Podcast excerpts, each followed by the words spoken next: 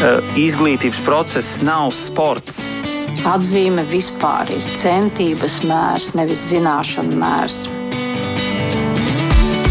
Skola un augšana, attiecības un sadzīve, fiziskā un emocionālā veselība. Par šo un daudz ko citu raidījumā ģimenes studija. Labdien, esiet sveicināti ģimenes studijā. Sāk savu skanējumu. Jūs uh, sveicina radījuma producenta Liena Vīmba, mans vārds ir Agnese Linka. Mūsdienās liela daļa mūsu sa saziņas un komunikācijas norit uh, teikt, digitālajā vidē, tīmekļa plašumos ir daudz dažādu vietu, kur varam tikties, sarunāties, apmainīties ar pieredzi ko daudz un daudzi arī izmantojam. Tas līdz nes dažādus uh, fenomenus interesantus. Tā piemēram, ielūkojoties vecāku sarunu grupās, ir redzams, ka tur notiek naska dalīšanās ar medicīniska rakstura padomiem. Nereti tiek interpretēti analīžu rezultāti, uzstādītas arī diagnozes, publicēti attēli, retāk attiecībā uz pašiem pieaugušajiem, biežāk par bērnu veselību spriežot. Un pat neusturoties kādās vecāku saziņas vai interešu grupās, nu kurš gan no mums pats nav katru kādu reizi eh, pats savus analīžu rezultātu nolasīšanai vērsies pēc palīdzības pie, pie, pie Google. Ko par to domā un saka ārsti? Kādas ir tās pamatlietas par savu bērnu veselību un ārstēšanas eh, taktikas, kas mums vecākiem ir jāzina pašiem, kas ir vai nav jāspēj saprast, piemēram, analīžu rādījumos. Par šiem un vairākiem citiem jautājumiem šodien runāsim ģimenes studijā, un sarunas dalībnieki būs Bērnu Kliniskās Universitātes slimnīcas bērnu slimību klīnikas virsārste Alla Silova. Labdien! Labdien! Un attālināt mums eh, ģimenes studijā pievienojas arī Latvijas lauku ģimenes ārsta asociācijas viceprezidents ģimenes ārsts Ainis Zalps. Labdien! Labdien! Jā. Kā alaži arī jūs klausītājs, esat laipni aicināti pievienoties mums šai sarunai. Jums ir kas sakāms, mēs gaidīsim jūs komentārus, viedokļus, pieredzi, jautājumus. Rakstiet ģimenes studijā no Latvijas radio mājaslaps vai Arī ar šodienu īpaši paziņojums mēs aizsākam jaunu saziņas iespēju vairākiem Latvijas radio vienas raidījumiem ģimenes studijai, arī kā labāk dzīvot un krustpunktā starpbrīdis un raidījumam, vai tas ir normāli, jūs turpmāk varēsiet sūtīt WhatsApp ziņas. Mūsu numurs tātad šāda veida saziņā ir 25 660 440. Ierakstiet, saglabājiet to savos tālruņos, lai varētu iesaistīties šeit sarunās Latvijas Radio 1 ēterā, protams, sūtot ziņas tikai rakstiski.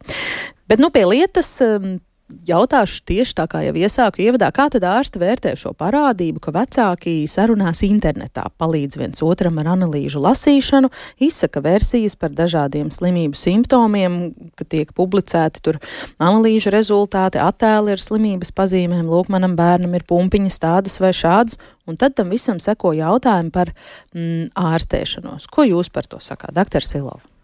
Es teiktu, vienā vārdā diezgan bažīgi mēs to uztveram. Mm, es domāju, ka lielākā daļa ārstu šo uztver bažīgi, jo tas nes līdzi diezgan nopietnus riskus arī kādreiz netrāpīt tur, kur vajag. Jā? Un, un droši vien skaidrs, ka jebkuram no mums ir pieejams ārsts, gan savs ģimenes ārsts, kādam arī pediatrs. Jā. Noteikti tas ir tas cilvēks numur viens, pie kā vērsties, uh, lai saprastu, kas tie par simptomiem, kādas izmaiņas analīzēs. Jāsaka gan, ka parasti analīzes mēdz nozīmēt ārsts, un tad jau mēs paši arī redzam, kādas ir tās izmaiņas, un, un tad arī komunicējam ar pacientiem. Mm -hmm. Tā kā jūs nepiekristu, ka tā ir tāda mūsdienīga, normāla situācija, ka notiek pieredzes apmaiņa un, un vecāki jā, var pasmelties interneta uh, dzīlēs no citu vecāku pieredzes stāstiem. Es teiktu par tādām slimībām vai kaut kādiem simptomiem, nē, tas, tad, tur es noteikti neesmu atbalstoši, bet eh, kas attiecas uz tādu ikdienas rutīnu, bērnu kopšanu vai aprūpi, tad uh, droši vien, ka mammas uh, savā starpā dalās un, un gūst pieredzi viena no otras socializēšanās funkcijai, jā, netik daudz medicīnisku padomu došanai. Tā doktora Silova saka, mm, vecāši arī doktora Zalbi, jums pieredzes apmaiņa ir vērtība, vai tomēr arī šeit saredzat kādus riskus un ar savu bērnu veselības pašdiagnostiku nevajadzētu nodarboties? Jā, nu, ziniet, tāds jēdziens kā pašārstēšanās jau pastāv ļoti ilgi. Mēs par šo problēmu šad un tad runājam dažādos aspektos. Nu, ja mēs paskatāmies vēsturiski, tad apmēram 80. gados, 90. gadu sākumā par pašārstēšanos vienmēr runāja ar tādu negatīvu pieskaņu, ka tā darīt nedrīkst, tas nav pareizi. Un vienīgais ir ārsts, kas jums var ieteikt vislabāko terapiju, vislabāko padomu, kā rīkoties konkrētā situācijā. Un zināma daļa taisnības tai visā ir, ja ne pat lielākajā daļā, bez šaubām. Bet tālāk attīstoties veselības aprūpei, kā veselības aprūpes pakalpojumu sniedzējiem, un arī attīstoties tam apstākļam, ka veselības aprūpes pakalpojums bieži vien ir par maksu, uh, daudz aktīvāk attīstījās arī dažādi, nu, teiksim, ko mēs varētu devēt par alternatīvām pieejām tajā laikā, ko uzskatīja, tātad definēja par pašārstēšanos. Atcerēsimies to mirkli, un to, to, ja kādam ir atmiņā palikuši 90. gadi, kad mēs nevarējām varbūt atļauties veselības aprūpas pakalpojumus pienācīgā kvalitātē un pienācīgā daudzumā, un arī īstenībā mūsdienās šī problēma eksistē gan finansiālu apsvērumu dēļ, gan, pieņemsim, valsts apmaksātu mm, pakalpojumu nepieejamības dēļ. Mums nākas pašiem bieži vien iesaistīties veselības jautājumu risināšanā. Un, ziniet, pasaulē vispār vairs tik skeptiski nerunā par pašārstēšanos, bet, ja mēs paskatāmies, tad tiek atzīmēts, ka pašārstēšanās ir viena būtiska primārās veselības aprūpes sastāvdaļa mūsdienīgas uh, veselības aprūpes sastāvdaļa. Tātad ir jābūt zināmiem priekšnosacījumiem. Pacientam jābūt pietiekami izglītotam, zinošam, ar tādu izglītības pamatlīmeni un jābūt spējīgam pašam sev palīdzēt noteiktās situācijās. Kā pieņemsim, ārstējot um, augšējo elpceļu simptomus, ārstējot kādas pēkšņas sāpes vai hronisku sāpju pāsinājumus. Ja mēs paskatāmies literatūrā, tad ieviešās ar vien daudz un dažādi jauni termini.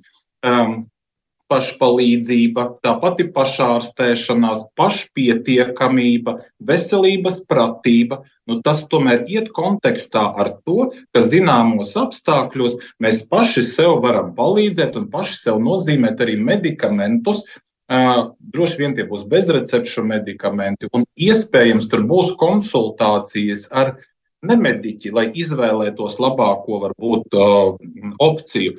Bet tomēr tas, tas, tas viss mums jāsaprot, tas viss ir jāpatur tādās saprāta robežās. Ja mums ir zināšanas, pieredze un, un kolēģis, vai radinieks, vai kaut vai kaimiņš, kurš mums, kuram mēs uzticamies, kuram ir sava tāda dzīves pieredze, kas mums var ieteikt, kā labāk rīkoties, Un, ja tie simptomi ir īslaicīgi vai mums ir skaidra jau diagnoze, mēs varam palīdzēt paši sev.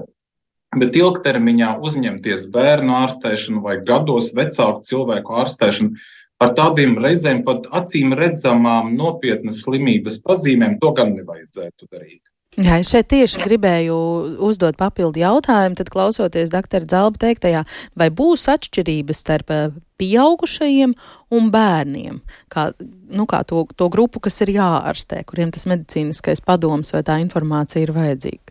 Doktor Silo, kā jūs? Uh, par pieaugušajiem es droši vien ne, ne, atstāšu nokomentēt doktoriem Dzalbam attiecībā par bērniem. Tas, ko es saredzu tādā ideālā dzīvē, ka tad, kad mūsu dzīvē ienāk bērniņš, mēs iepazīstamies ar, ar, ar ģimenes ārstu un noteikti izrunājam tās biežākās situācijas, Kad mēs varam, piemēram, turpināt ārstēšanos mājās, vai kādi, kādiem medikamentiem vajadzētu mums būt vienmēr aptieciņā, kādi ir simptomi, kas mūs darītu bažīgus un kad mums ir jādodas vai uz neatliekamās palīdzības nodaļu vai, vai pie ģimenes ārsta vai, vai kā citādi jāvēršās pēc palīdzības. Tas ir tas, ko doktors Zalps jau minēja, ka tā ir tāda veselības pratība, jā, ka mēs uh, spējam orientēties tajās situācijās, kad mēs varam būt mierīgi mājās, bet kad mums tomēr ir, ir nepieciešams vērsties pēc palīdzības. Un tad attiecībā uz, uz bērniņiem es teiktu tā, ka ja ir bijusi tiešām tāda laba kvalitatīva saruna un ir sniegta pietiekama informācija par, par šīm situācijām un, un, un rīcību, jā, tad, tad daļu, protams, un mēs parasti jau arī bērnu slimnīcas kolēģi arī aicinam, nu, neskriet uzreiz uz neatliekamo palīdzību pie pirmās temperatūras, jā. Mm, tad, eh, tad šis, ir, eh, šis ir tas variants, nu, kad eh, mēs varētu arī um, kādu brītiņu dzīvoties pa mājām un, un, un, un ārstēties, bet nu, tādos kontrolētos apstākļos. Jā. Savukārt. Um, Nu, par pieaugušajiem tad, lai doktors uh, Zelbs uh, nokomentē. Mm -hmm. Nē, doktors Zelbs diezgan atzinīgi izteicās Jā. par pašārte, pa, pašārstēšanos pie noteiktiem nosacījumiem. Es vienkārši gribēju jautāt, vai tas, ko, tas, ko viņš saka, jūsuprāt, izklausās uh, labi arī tad, ja runa par saslimušo, kas ir bērns, nevis par pašu pieaugušo, kas plāno pašārstēšanos sev balstoties uz savu pieredzi un tā. Jā, ja šis ir tiešām kaut kad ir, ir mm, izrunāts ar ģimenes ārstu vai ar pediatru, un mums ir tiešām pārliecība, vai arī mēs esam diezgan ticamos avotos saņēmuši informāciju par, par ir kādu gadījumu, kas, Jā. ir, kas ir jādara. Jā, mm -hmm. Jā jūs, doktor, pieminējāt arī to uh, padomu no kaimiņa, radinieka, tuvinieka, no kāda pieredzējuša cilvēka padomu uh, devēja, bet uh, kā tad ir šajā gadījumā? Mēs tomēr par tām vecāku sarunu grupām internetā uh, spriežot, uh, varam pieņemt, nu, ka tas patiesībā ir uh, svešs cilvēks, ar kuru mēs apmaināmies ar pieredzēm. Uh, Nu, protams, protams, zināmi riski pastāv. Bet, ziniet, es arī kādreiz domāju, ka ģimenes ārsts vai jebkurš cits speciālists ir tā vadošā persona, kas ar savām zināšanām sniedz uh, padomus, un tas ir tas galvenais padomu sniedzējs. Un tādā ideālā pasaulē es domāju, ka tas būtu bez šaubām optimālākais variants. Bet dzīves realitāte ir mazliet savādāka, jo, lai arī ģimenes ārsts ir mūsu valstī ārkārtīgi pieejams salīdzinot ar citām valstīm, tomēr noteiktās situācijās Nu, nav tā, ka mēs sniedzam pakalpojumus pieejamus 24 stundas diennaktī. Un pilnībā pievienošos kolēģis teiktajam, ka optimāli ir tad, ja pacientiem ir uh, priekšzināšanas vai ir sniegta informācija. Nu, tipiskais gadījums, ka mazam bērnam ir paaugstināta ķermeņa temperatūra tad, protams, ir vecākiem jābūt zinošiem, kā pašiem tikt galā ar šo situāciju. Un reizēm, varbūt, ja šo zināšanu nav, tad arī kaimiņiene vai, vai vecmāmiņa, kurai tāda ir zināšanas, varētu sniegt teiksim, šo, šos padomus sākotnēji. Bet, protams, optimāli, ja to ir izdarījis savulaik un informējis ģimenes ārsts. Tipiska situācija, piemēram, ir auss sāpes, kas bieži vien piemeklē bērnus naktīs, nu, tad arī mēs varam šos medikamentus uzsākt, kas varētu būt gan deguna pilieni, gan pretsāpju medikamenti. Un to mēs arī principā varam uzskatīt par pašārstēšanos, bet tā ir tāda, tādā kontekstā, tā ir tāda ieguvums, ja, un tā ir ar tādu pozitīvu pieskaņu, šāda veida saprātīga rīcība. Tāpat mēs varam minēt piemērus, kā jau zināms, bērns ar bronhiālu astmu, kuram ir pārāsinājums, un vecāki, nesaskaņojot vēl ne ar vienu ārstniecības personu, jau uzsāk noteiktu medikamentu lietošanu un tādējādi savam bērnam palīdz. Tad mēs redzam, ka atslēgas vārds, lai principā nodarbotos ar pašārstēšanos, tomēr ir zināšanas, un, un padomi un pieredze. Un vēl būtiski, ja mēs paskatītos kaut vai tādu apstākļu kā saaugstēšanās slimības, mēs šobrīd redzam, ka šādu pacientu skaits ir ārkārtīgi liels. Un iedomājieties, ja katrs no viņiem grieztos pie ģimenes ārsta vai uz stacionāru pēc padomu bet vairumā gadījumā tomēr vecāki paši šīs elementārās saslimšanas spēja atrisināt ģimenes ietvaros, gan ar tēju palīdzību, fitoterapijas palīdzību vai citiem ieteikumiem, kas, protams, varbūt vairs mūsdienās neatbilst visjaunākajām zinātnē balstītajām praksēm, bet tas gala rezultāts ir un iznākums ir pozitīvs. Taču mums atkal jāskatās, ka uh, uz citiem apstākļiem, ka tās situācijas ir ilgstošas, sūdzības saglabājās, uzlabojums nav, un pacienti turpina dažādu iemeslu dēļ uh, savus jau iesāktās šīs terapijas ar dažādiem vitamīnu preparātiem, cerībā, kur acīm redzama onkoloģiska slimība pēkšņi izzudīs un kļūs labāk. Nu, šeit mums ir jābūt arī pietiekami kritiskiem. Ja mēs to uzlabojumu nesasniedzam, labāk nav, tad noteikti ir jāsazinās ar kvalificētu ārstniecības personu.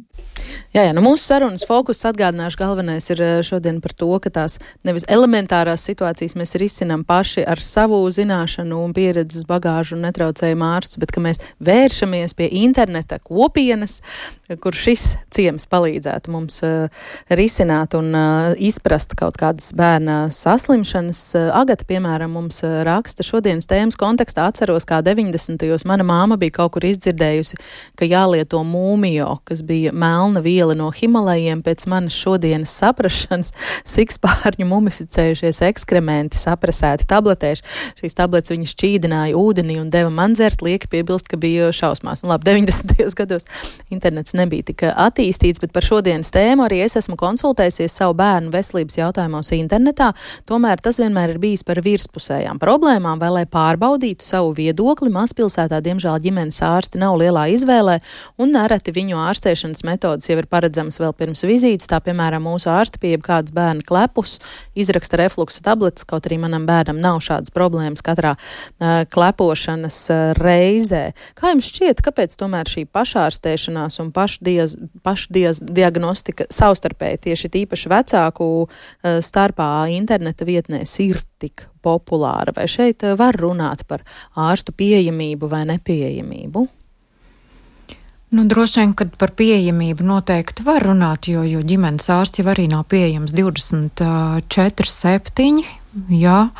Vecāki droši vien dzīvo dažādā attālumā arī no slimnīcām. Un, un mēs ļoti labi zinām, īpaši perifērijā vecāki ir diezgan ieturēti un cenšas lieki tiešām nedoties uz, uz slimnīcu.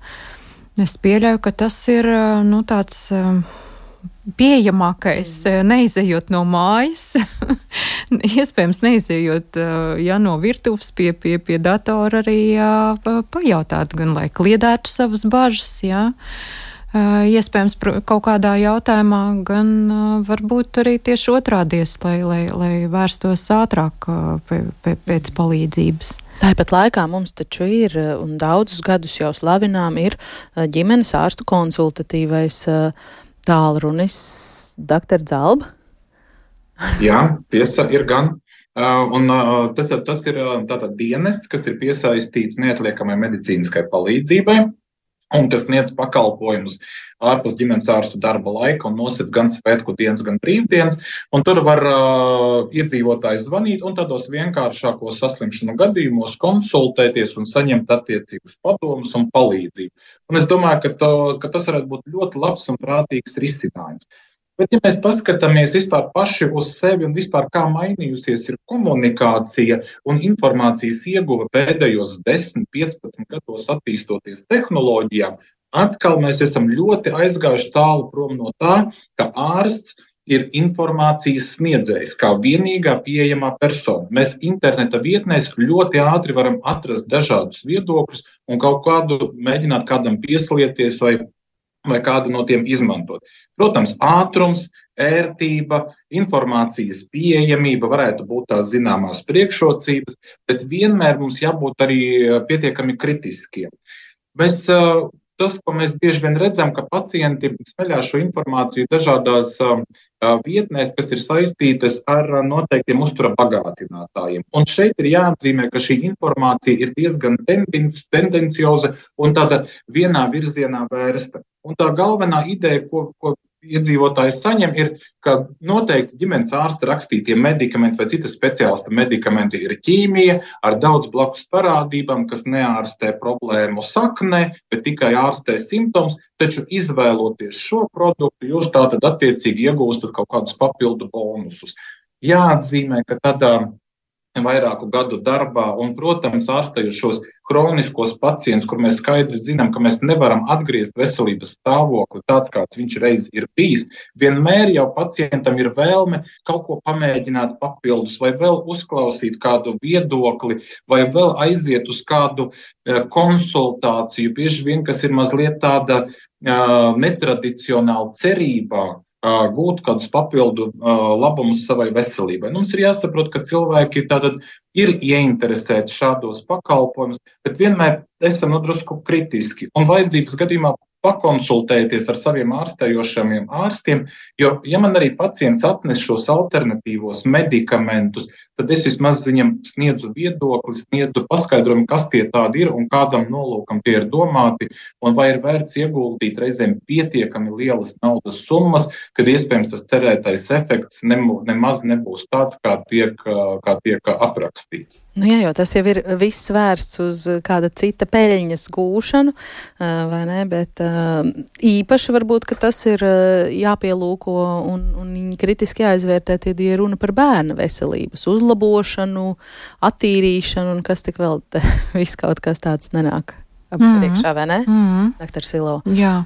Um, Mums āieraksta domāju, ka daudz cilvēku ir pieredzējuši, ka saņem nopietnāku analīžu rezultātus piekdienā, nemākot interpretēt, bet redzot, ka nekas tur nav labi, satraukumā atbildes tiek meklētas internetā, jo ārsts jau iet mājās, bet priekšā divas bezgalīgas brīvdienas. Domāju, ka nopietnu analīžu gadījumā nedrīkstētu rezultātus saņemt pacients pats. Šie rezultāti būtu jāapspriež tikai kopā ar ārstu. Arī tad, ja es savu bērnu aizvedu nodot analīzes, pēc tam eh, šī analīžu rezultātu kopija atnāk arī man e-pastā. Un, Protams, ka tur gribas ielūkoties, un, protams, ka it īpaši, ja tur ir kaut kas izcelts vai pasvītrots, kā dažas laboratorijas tos noformē šos rezultātus, tad ļoti, ļoti gribas saprast, cik tieši šis ne normā neatbilst normai. Kā, kā, kā jūs raugāties uz šo analīžu pašlasīšanu? Jāsaka gan, ka diezgan daudz, tiešām, kā jūs sakat, piekdienu vakari, sestdienas ir, ir šie gadījumi satraukušies vecāki, kas vēršās piesaka attālinātu pediatra konsultāciju tieši analīžu interpretācijai. Ehm, visbiežāk, protams, mēs šīs bažas kliedējam un, un, un tik um, dramatiskas izmaiņas nav, ka ir nepieciešama tūlītēja vai neatliekama palīdzība, uh, bet um, es, es tomēr sliecos, ka Ja ir nodoti, nu, piemēram, akūtas saslimšanas gadījumā, kā, kādas analīzes, tad parasti tas ir bijis sadarbībā ar, ar, ar ārstu. Un, un tad jau ārsts arī saņem šo te, uh, atbildi. Un, uh, un Nu, es, es varu teikt, pēc, pēc sevis un saviem kolēģiem, parasti, ja mēs nozīmējam kādas analīzes, tad, protams, mēs viņus arī pēc tam izvērtējam. Un, un ir bijuši, protams, arī gadījumi, ka mēs sazinamies pēc tam ar vecākiem arī vakar stundā un, un aicinam doties uz neatliekamo palīdzību. Bet, nu, Es te nepateikšu tādu recepti vai, vai, vai kaut kādas analīžu normas, kas būtu jāzina visiem. Eh, jo tas atšķirās, referents vērtības atšķirās eh, gan katrai laboratorijai, gan arī eh, dažādiem vecuma posmiem. Ja, es teiktu, ka bērniem tas ir pat sarežģītāk nekā pieaugušajiem, jo atkarībā no vecuma šie, šie uh, rezultāti, normas var variēt. Līdz ar to, ja tiešām ir, ir lielas bažas un, un jūs saprotat, ka tām brīvdienām jūs nevarēsiet gulēt un, un aizmigt, tad es aicinu sākotnēji droši vien, ka nevis doties uz neatliekamo palīdzību, bet sad, sazināties ar šo te attālināto pediatru. Jā, tas ir kaut kas, ko bērnu slimnīca šobrīd piedāvā situācijām, kad bērns ir slims un palīdzība tāda vai, vai, vai, vai aktīva ārsta iesaista vai komentāri dažādu iemeslu dēļ nav pieejami, nav sasniedzami. Un tur ir veseli trīs veidi, kā, kā var bērnu slimnīcā vērsties pēc palīdzības? Jā, mēs, mēs vienkārši esam sapratuši, ka, ka bērnu slimnīca ir diezgan pieprasīta akūtās situācijās, un, un vecāki mums ļoti uzticās, un, un mēs to tiešām ļoti novērtējam, un mēs esam domājuši, kādi varētu būt tie ceļi, kā bērniņi, kuriem nav vajadzīga neatliekama palīdzība, varētu saņemt šo pediatru konsultāciju mūsu resursu iespēju robežās. Jāsaka gan, ka attālinātas pediatra konsultācijas mums ir jau no 21. gada. Tas, tas nav tāds liels jaunums, un, un vecāki viņas izmanto. Tas ir pirmais ceļš, kā var saņemt pediatra konsultāciju attālināti. Savukārt, pā, otra divi ceļi ir klātienes konsultācijas pediatrs mm, rindas kārtībā tātad pieņem gaļazaru novietnē Juglas ielā 20. Katru dienu, arī sestdienās, svētdienās un svētku dienās no 8 rīta līdz 10 vakara var vērsties. Nosūtījums nav nepieciešams. Kādreiz var sanākt arī uzgaidīt brīvdienās, bet nu, kopumā es teiktu, ka ka vidēji divu, divu stundu laikā šo palīdzību var saņemt. Un tāds svaigākais jaunums kopš novembra arī Torņkalna novietnē mēs esam nodrošinājuši šo tiešās piemības pediatru pēc pieraksta. Uh, jo mēs redzam, ka ļoti daudzi eh, vecāki dodas uz neatliekamo palīdzību, lai gan viņi paši saprot, ka eh, nu, bērnam šobrīd neatliekama palīdzība nav nepieciešama.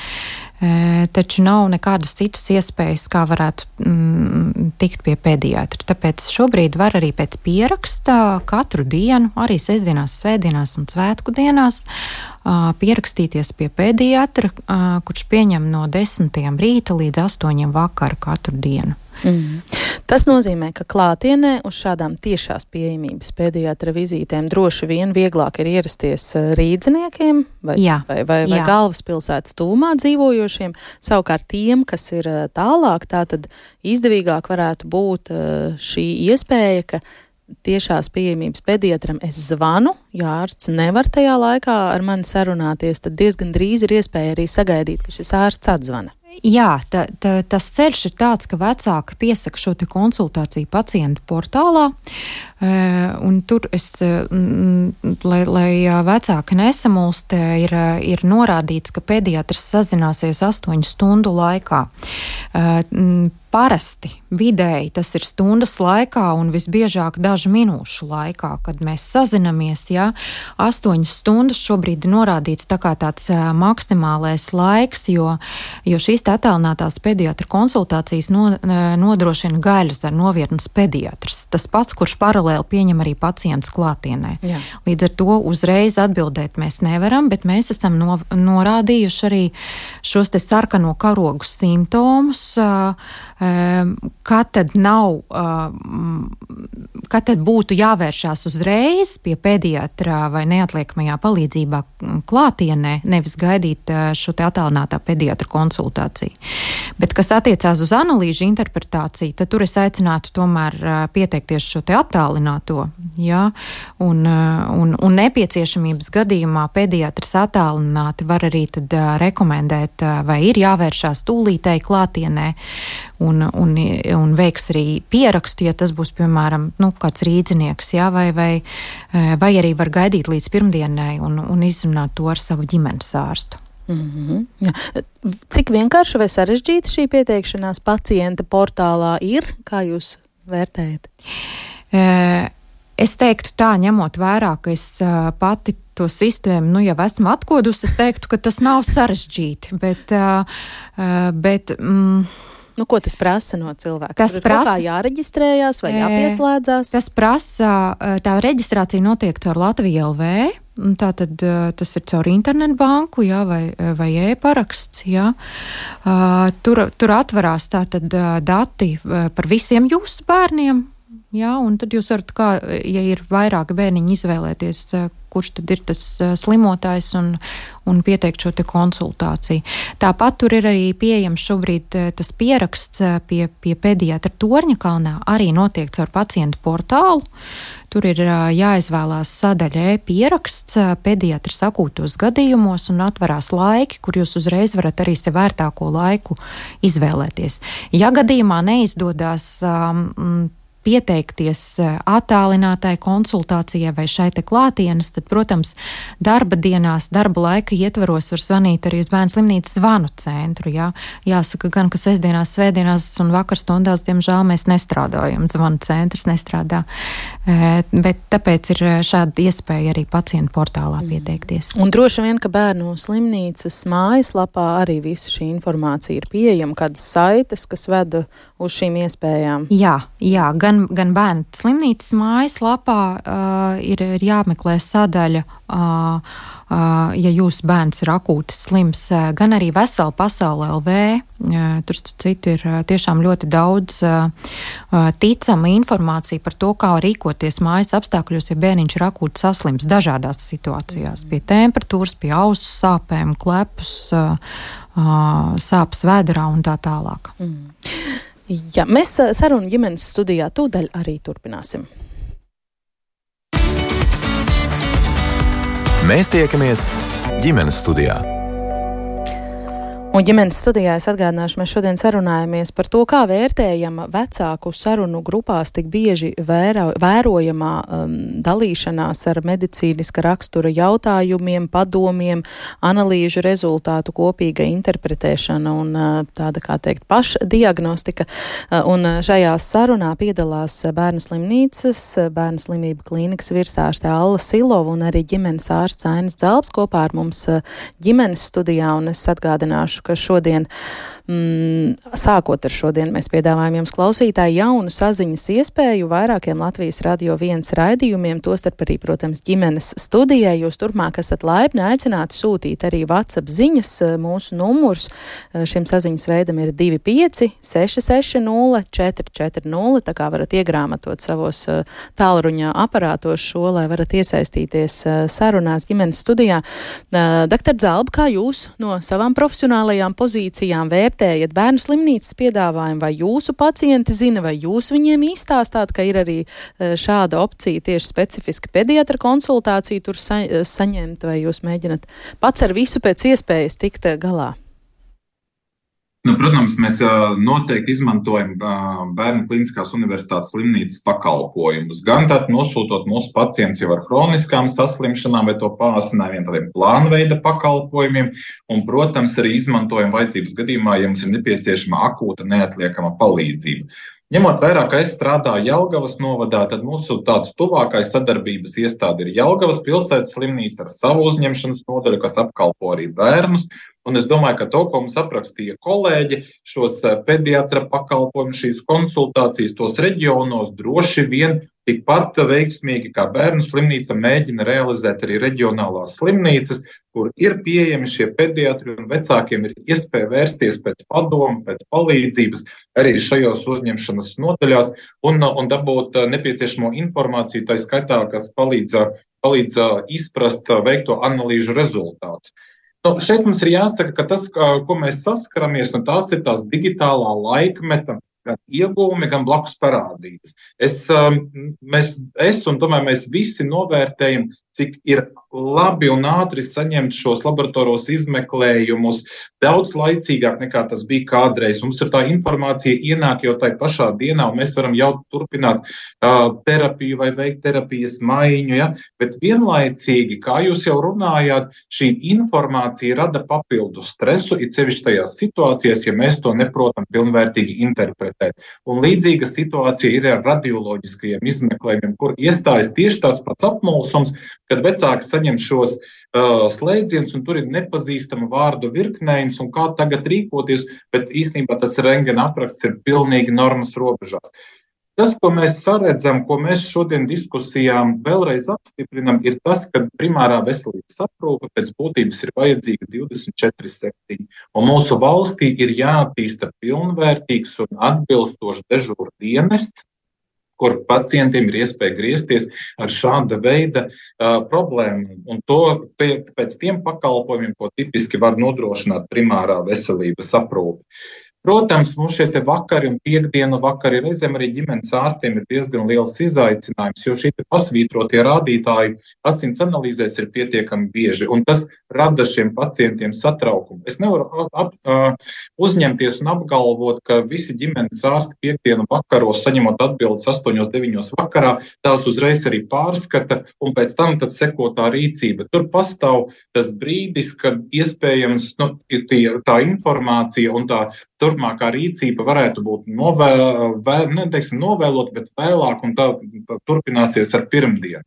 Bet vienmēr mums kas ir jāatcerās, ka radioloģiskie izmeklējumi, ka laboratorija izmeklējumi, tā ir palīga diagnostikas metodas, un tās vienmēr ir skatāmas kontekstā ar pacienta veselības stāvokli. Vai viņš ir liels vai viņš ir mazs, ja mums bērns jūtās ļoti labi, skrien, ēd, dzied, tad īstenībā tas pasvītrotais rādītājs droši vien nebūs tik svarīgs un neatliekams, ja, lai mēs ar to dotos uz uzņemšanas nodeļu ja ir rādītājs pasvītros un bērnu veselības stāvoklis pasliktinās, vai tas uh, ir jau pietiekami nopietns, tad, protams, ka mēs vēršamies pēc palīdzības vai uz konsultatīvo dienestu, vai uz tuvāko uzņemšanas nodaļu. Ja? Uz to tātad pēc tā pakalpojuma, kas ir vistuvāk pieejams jūsu dzīves vietai.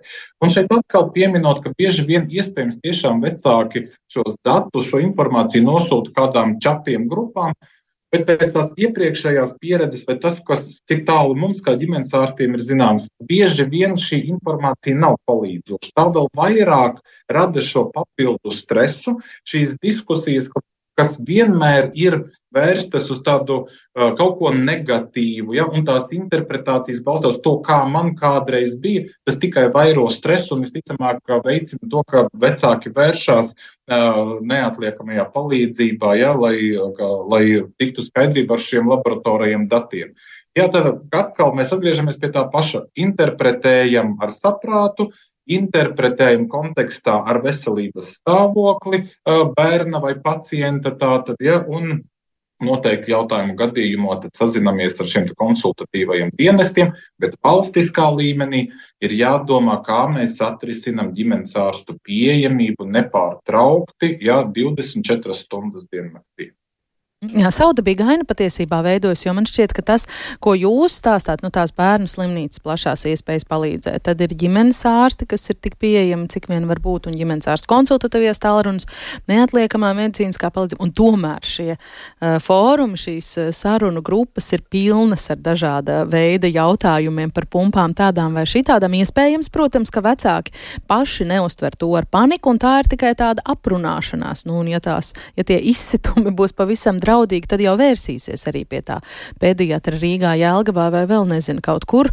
Uh, Mums raksta vēl kāda klausītāja, priecājos, ka izmantojat jā, saziņu ar mums arī Vācijā. Viņa saka, ka šīs chatiņu konsultācijas rodas tāpēc, ka nav uzticības ārstiem, kas ir gados un veic ārstēšanu pēc vecām metodēm. Piemēram, ļoti daudz ģimenes ārsti ir naski antibiotika izrakstītāji pēc tam, kad uh, viena gada laikā astoņas reizes bija savam bērnam izbarojusi antibiotikas, sāku raizēties par ārstas kompetenci, mm, kad sāka likties, ka ir par daudz šo antibiotiku, ļauj bērnam pašam izslimot klāt klepu, kas nesmuki izklausījās, un nu jau piecus gadus vairs neesmu devusi antibiotikas pie klepus. Laiks un daudz eh, šķidrums ir visu vienmēr atrisinājis, bet ārste pat netaisa analīzes, lai saprastu, vai vajag antibiotikas, bet, lai nomierinātu satraukto māmu, tās vienkārši izraksta. Nu, stāsts par uzticēšanos, jā, par sadarbību, par komunikāciju, kas ir izveidojusies starp ārstu un pacienti. Kurš komentēs? Dr. Zelps? Jā, es iesākšu, man kolēģi noteikti papildinās, jo tā ir īstenībā šī komunikācija un atbildes uz jautājumiem un uh, informācijas sniegšana pietiekamā apmērā un saprotamā apmērā. Tas noteikti ir uh, viens no ģimenes ārsta būtiskiem darba pienākumiem. Un tā jau īstenībā mūsu tā aprūpe veidojās, ka mēs sadarbojoties gadiem ilgi un, un uh, tādu radot šo uzticēšanās sajūtu, spējam šīs attiecības arī ilgtermiņā noturēt. Par antibakteriālās terapijas pielietojumu ambulatori bieži vien mēs tiešām dzirdam tādus atsevišķus gadījumus par antibiotiku biežu lietošanu. Bet, taču, ja mēs paskatāmies citu Eiropas valstu kontekstā, tad antibiotiku patēriņš Latvijā nav tas lielākais. Un nav tā, ka mēs uh, tos izmantojam krietni, krietni pat daudz un nevajadzīgi kā citas valstis. Protams, vienmēr var būt labāk, un pieņemsim mūsu skandināvu kolēģi vēl mazāk izmanto antibakteriālos medikamentus savā ikdienas darbā, nekā to izdarām mēs uh, Latvijā. Bet salīdzinot pieņemsim, ar Portugāli, Spāniju, Franciju vai Grieķiju, tad mūsu antibiotika patēriņš ir salīdzinoši minimāls un pietiekami izsvērts. Protams, reizēm ir šīs situācijas, ka ņemot vērā bērna vispārējo veselības stāvokli, mēs varam reizēm sliekties par labu antibakteriālai terapijai, kad varbūt nav pilnīga pārliecība. Ja? Bet uh, parasti mēs to tomēr darām tādā bērnu interesu labā, ja, kad uh, mums ir tomēr kāda pamatot aizdoma, ka tur tas medikaments varētu būt liederīgs. Bet attīstoties arī šī brīža diagnostikas iespējām, mēs šobrīd ar veselības ministriju ļoti aktīvi runājam par to, lai ģimenes ārstu praksēs ieviestu valsts apmaksātas jaunas manipulācijas, un viena no tām būtu C reaktīvā olbaltumvielas noteikšana, ekspresa diagnostikas metode. Tātad tie ir uh, marķieri, ko mēs varam noteikt asins analīzē, asins pilienā, ir vai nav uh, šie bakteriālā iekaisuma pazīmes, un vai bērnam vajag vai nevajag antibakteriālo terapiju. Es zinu, ka daudz ģimenes ārsti šo pakalpojumu sniedz pa maksu, ir jau iegādājušies šīs ierīces un piedāvā, bet principā, lai pieņemsim, lai mēs izvērtētu, vai šīs terapija tiešām ir nepieciešama, Mums ir jāpielieto zināmas jau papildus mūsdienīgas metodas. Jā, tas ceru, ir jautājums par ir. analīzēm. Ja? Jā. Tas ir an jautājums par analīžu veikšanu. Dr. Silov, kā šis vērtējums, tad tādām diskusijām vajag, nevajag antibiotikas, un tādas diskusijas ir ļoti biežas, um, būs gals, ja? nu, tādās vienkāršās uh, situācijās. Jā, nu, uh, mēs, protams, arī bērnu slimnīcā pieturamies uh, gan pie vadlīnijām. Uh, un, un uh, analīžu veikšana, protams, arī ir stingri ar šo.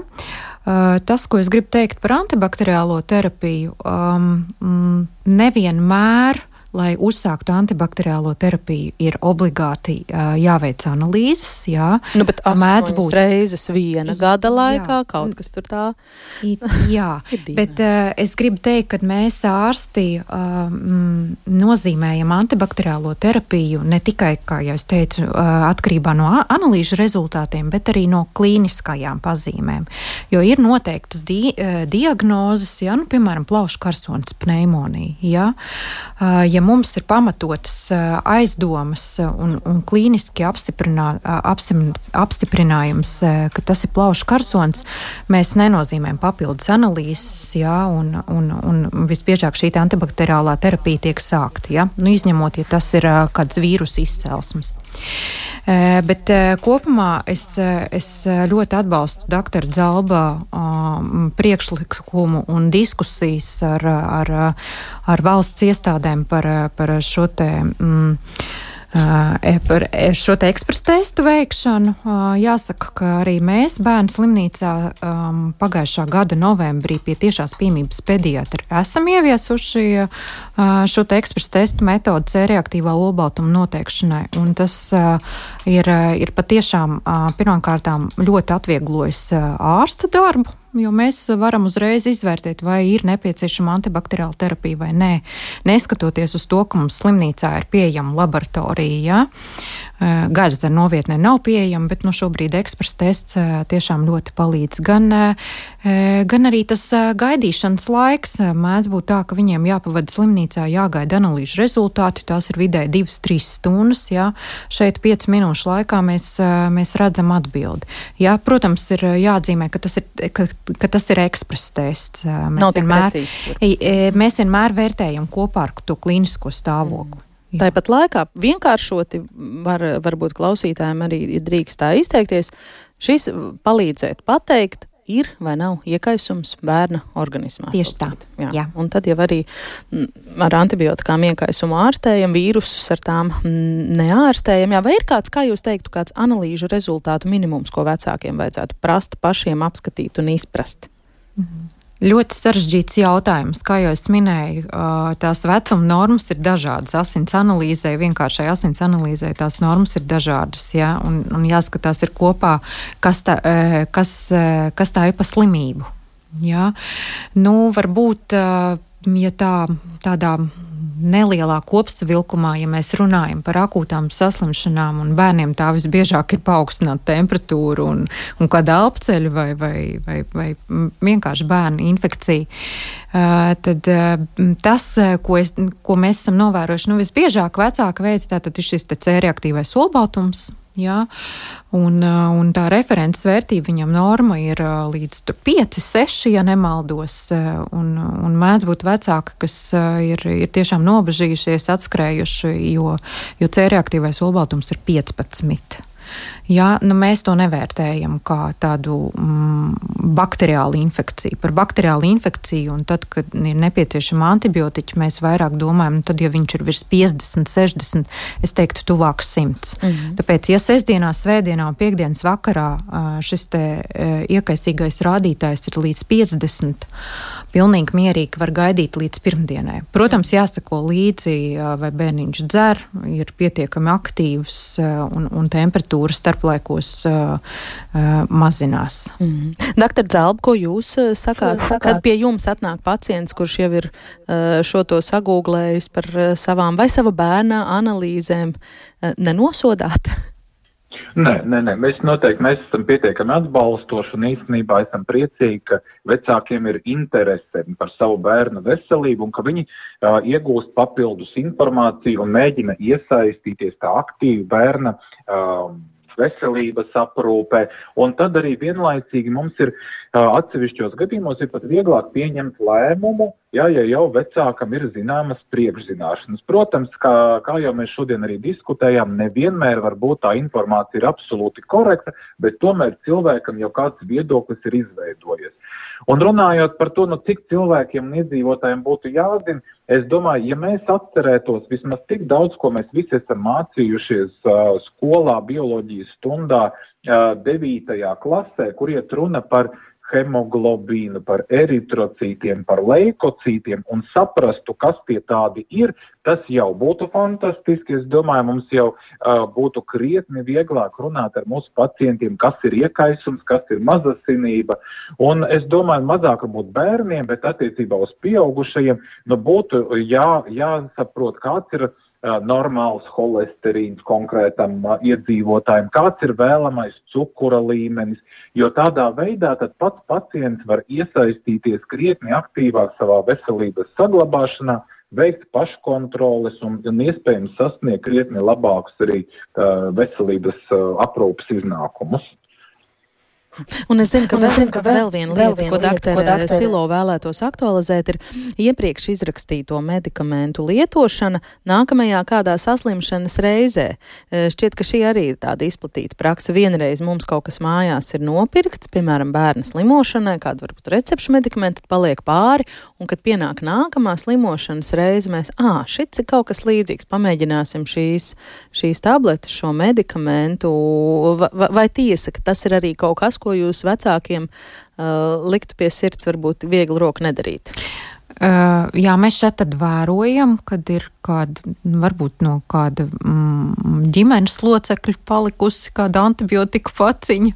Arī tieši un, par antibakteriālo un arī, terapiju. Jā, tur es teiktu, ka uh, noteikti pirms uzsākt antibakteriālo terapiju, tur gan vajadzētu sazināties uh, vai no nu ar pediatru vai, vai, vai savu ģimenes ārstu un tā viegli prātīgi neuzsākt, uh, jo Nu, pat ja mēs nerunājam par tādu uh, antibakteriālo rezistences pieaugumu, bet uh, vienkārši tas, ka kādreiz tas mēdz arī notušēt to, to klīnisko ainu, uh, jā, vai arī laboratoriski, un, un, un, un ja kaut kas neiet, tad mums ir tiešām grūti saprast, uh, uh, ka, kas pie vainas.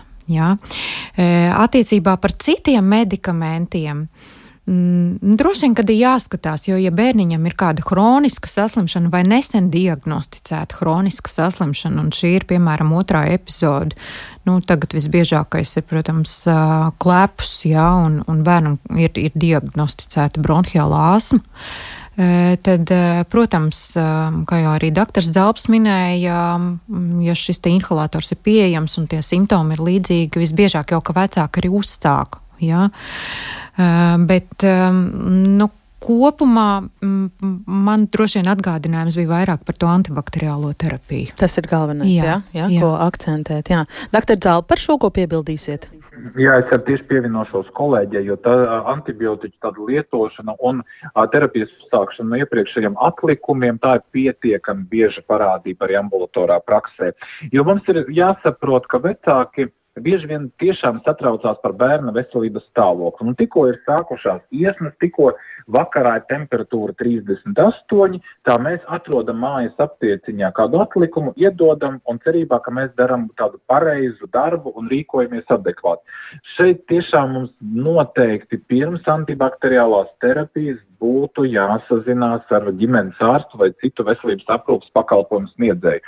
Un mums drīzāk tas rīcības algoritms vecākiem būtu sekojošs, ka pirmajās divās, trijās dienās, arī tad, ja tās ir brīvdienas, un mēs netiekam uz konsultāciju, mēs neķeramies klāt pie antibiotiķiem, jo ar vislielāko varbūtību, it sevišķi bērnu vecumā, tās būs vīrusu izraisītas slimības, kur ir vajadzīga simptomātiska terapija.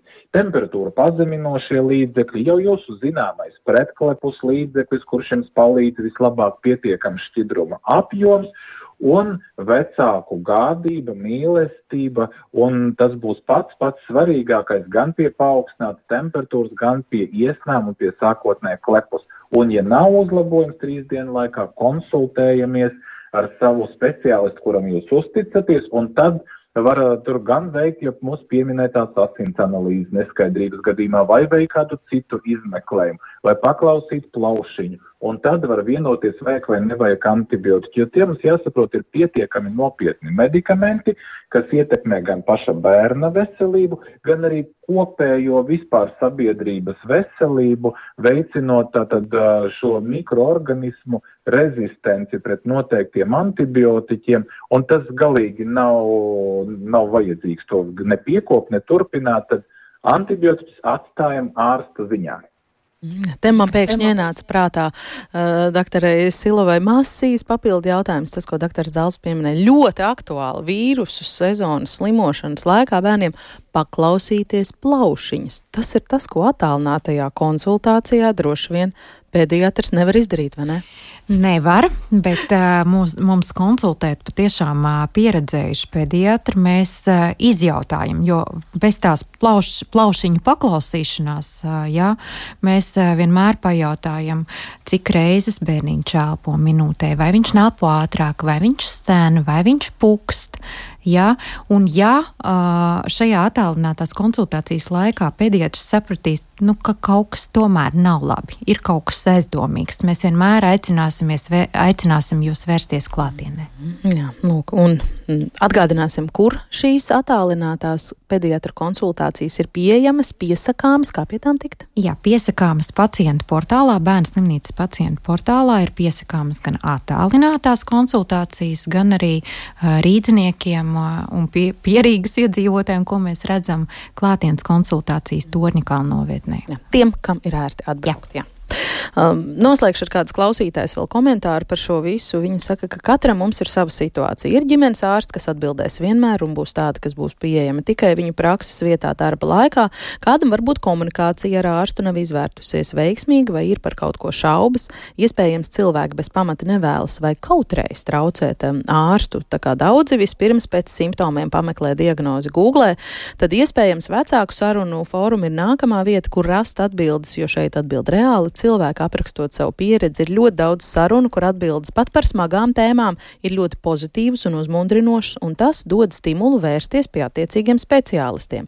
Un ļoti daudz vecāku ar ļoti bagātu dzīves pieredzi arī šeit pulcējas izskan daudz viedokļu, kuros ir vērts ieklausīties. Svarīgākais, lai personai, kura lūdz padomu, ir kritiskā domāšana, lai atsijātu graudus no pelavām. Šim noteikti, ka var piekrist arī bērnu slimnīcas ārstē pediatra Alla Silova un ģimenes ārsts Ainis Dzalps, kas piedalījās šodien ģimenes ģimenes studijas sarunā. Paldies jums, ka veltījāt savu laiku un zināšanas mums un mūsu klausītājiem. Rādījumu šodien veidoja Liena Vimba, pieskaņu pulci Ivets Zvēniec, pie mikrofona es Agnese Linka. Rīt ģimenes studijā runāsim par to, vai izdegšana bērniem un pusauģiem izpaužas kā citādāk atšķirīgi no pieaugušajiem, kā to atpazīt un kā palīdzēt izdzīvot slodzes pilnu laiku šobrīd saviem skolēniem, it īpaši tagad, kad aktīvi cirkulē dažādi vīrusi, saules ir maz vai nemaz, un tāpēc vēl jo grūtāk tikt ar visu galā.